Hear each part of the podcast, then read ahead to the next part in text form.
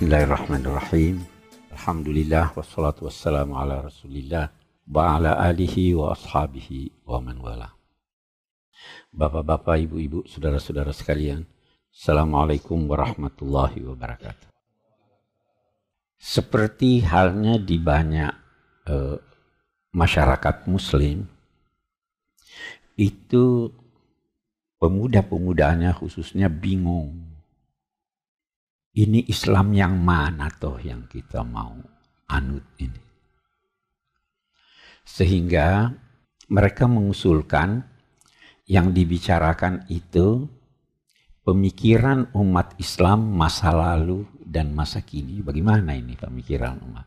Karena eh, mereka sedang dihadapkan oleh sekian banyak ide yang mereka nilai sudah tidak relevan dengan kondisi umat Islam dewasa ini. Jadi dia minta saya bicara, judulnya yang dia minta itu pemikiran umat Islam masa lalu dan masa kini. Baik. Uh, saya kemukakan begini, yang pertama dulu. Bahwa eh, tajuk ini, tema ini luas sekali. Karena pemikiran umat Islam itu banyak aspeknya. Bisa ada aspek ekonomi, aspek politik, tentu eh, aspek eh, sosial, aspek keagamaan, dan lain-lain sebagainya. Eh, dan saya bukan ahli dalam bidang-bidang tersebut. Paling yang saya bisa bicarakan adalah eh, pemikiran umat Islam masa lalu dan masa kini dari sisi aspek keagamaan. Nah, kalau kita kembali kepada masa Rasul, saya ingin masuk pada pemikiran keagamaan. Sahabat-sahabat dulu berpikir, kalau mereka berbeda pendapat, mereka tidak berkelahi. Mereka punya rujukan kembali kepada Nabi. Nabi yang putuskan.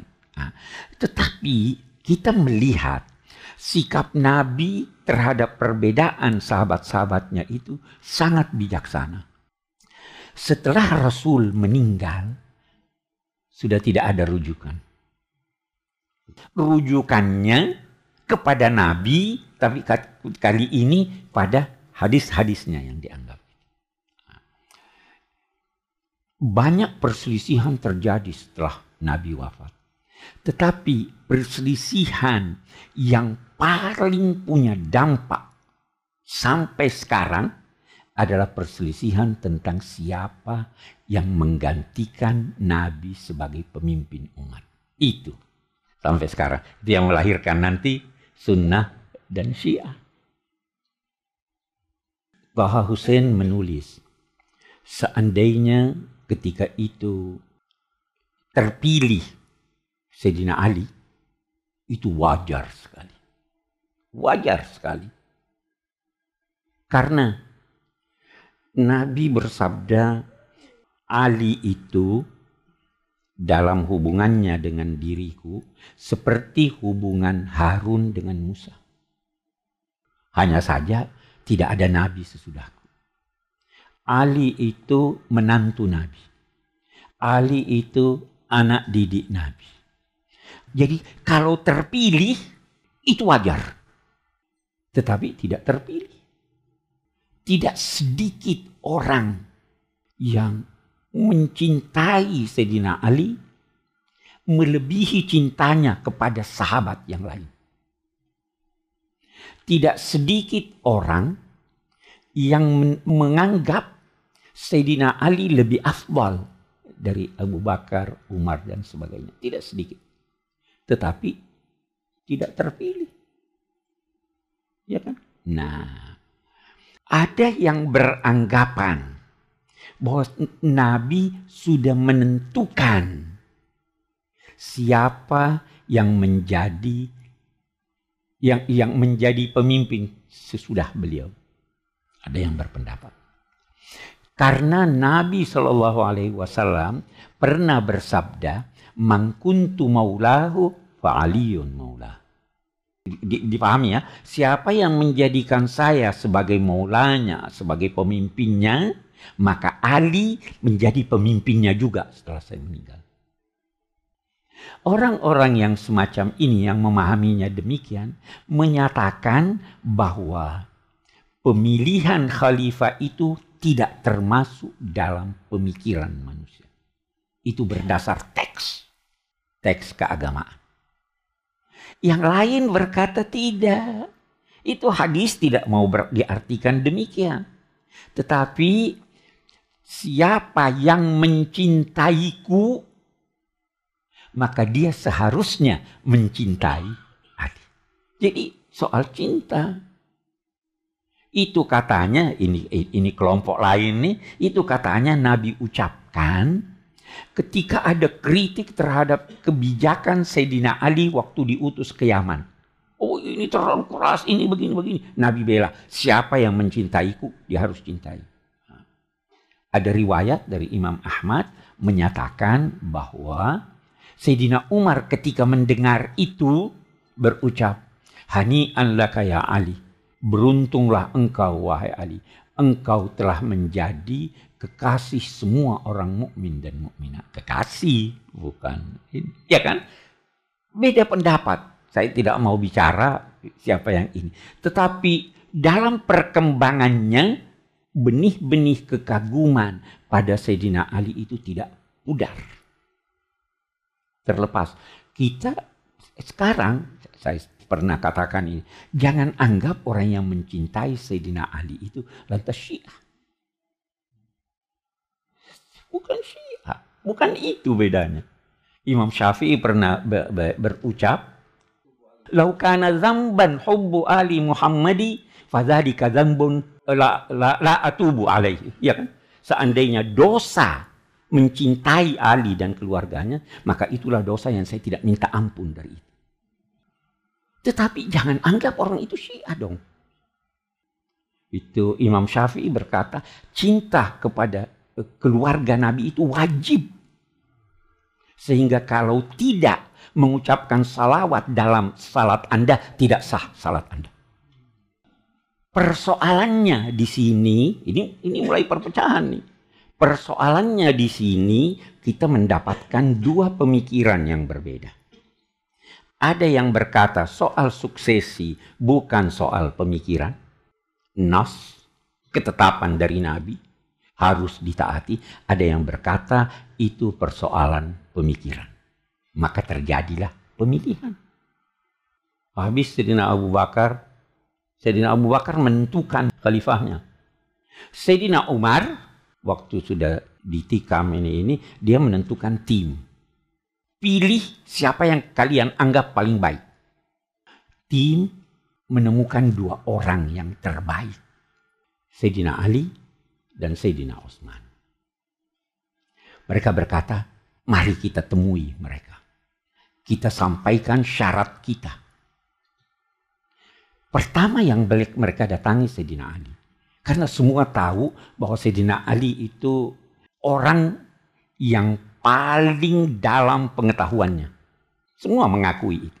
Jadi dia datang pada Sayyidina. Sayyidina Ali, kami akan menetapkan engkau sebagai khalifah dengan syarat kamu harus mengikuti Al-Quran dan Sunnah dan kebijakan Abu Bakar serta Umar. Kata Sayyidina Ali, saya bersedia mengikuti tuntunan Al-Quran dan Sunnah tetapi tidak kalau kebijakan Abu Bakar dan Umar. Dia tidak mau. Kita lihat dalam konteks pemikiran, di sini Sayyidina Ali sudah berpikir tentang perubahan masyarakat. Tidak bisa. Kalau kamu janji saya, itu kamu mengikat saya. Kalau Rasul, saya pegang. Kalau Al-Quran, saya pegang. Tapi mengikuti kebijakannya, saya tidak bisa janji. Berpagi-pagi, pemikiran berperanan. Tim tidak mau terima itu. Dia pergi kepada Sayyidina Utsman. Ya, saya terima mengikuti Al-Quran, Sunnah, dan kebijakan Abu Bakar dan Umar. Kata sejarawan itu pada akhirnya Sayyidina Utsman mengikuti atau tidak? Terpaksa keadaan berubah. Itu yang diinginkan oleh Sayyidina Ali. Sehingga tidak jadi khalifah lagi. Orang yang eh, begitu cinta sudah mulai jengkel. Yang keempat baru jadi khalifah. Eh, pertempuran terjadi. Sayyidah Aisyah tidak setuju. Terjadi perang Al-Jamal. Muawiyah tidak setuju. Terjadi Sufain. Pecahlah umat. Sejak itu pemikiran kita bicara dari segi pemikiran. Sejak itu pemikiran berkembang membicarakan orang yang berdosa besar itu kafir atau tidak. Lahir kelompok yang mengkafirkan. Lahir kelompok khawarij. Ini Ali kafir. Kenapa dia setuju? Padahal khawarij itu pengikutnya Sayyidina Ali pada pertama. Kenapa dia mau menerima itu perdamaian? Ini Muawiyah kafir, bunuh dia. Jadi pertama dampak dari ini tadi lahir pemikiran dalam bidang akidah. Setelah Muawiyah berkuasa, orang-orang orang-orang ada yang menilai bahwa Sayyidina Ali ini dizalimi. Mestinya dia tetap jadi khalifah. Nah, semakin kuat kelompok yang kemudian bernama Syiah.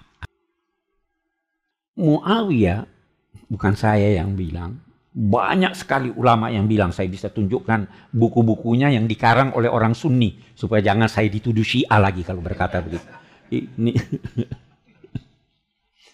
antara lain ada buku namanya At-Tafkirul Falsafi fil Islam dikarang oleh Syekh Al-Azhar Abdul Halim Mahmud. Bisa baca di situ. Ada bukunya Syahrastani Al-Milal wan Nihal bisa dibaca di situ. Apa katanya? Muawiyah kemudian pengganti-penggantinya ingin mengukuhkan kekuasaannya dan mencari alasan pembenaran tentang kezalimannya bahwa itu sudah takdirnya Tuhan. Bagaimana caranya Muawiyah itu? Dia kirim surat ke Madinah bertanya, apa doa Nabi setiap habis sholat? Dapat jawaban dari Al-Mughirah bin Syu'bah doa Nabi itu la ilaha illallah Allahumma la mani'a lima a'tait wa la mu'tiya lima manat wa la radda lima qadait wa la yanfa'u dzal jaddi minkal jadd. Di, dipopulerkan bahwa maksudnya tidak ada yang bisa menghalangi apa yang engkau beri. Tidak ada yang bisa memberi apa yang engkau halangi. Saya ini dapat kekuasaan karena diberi Allah apa yang saya lakukan ini adalah direstui Allah. Tentu saja ada orang-orang yang tidak setuju demikian. Kalau hadis yang dipopulerkan ini kemudian sampai sekarang masih populer kan?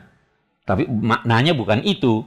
Kalau hadis yang dipopulerkan ini mendukung faham fatalisme, ada ulama yang tidak setuju. Sehingga karena tidak setuju berapi-api, lantas dia berkata tidak ada takdir. Manusia bebas melakukan apa saja, tidak ada campur tangan Tuhan.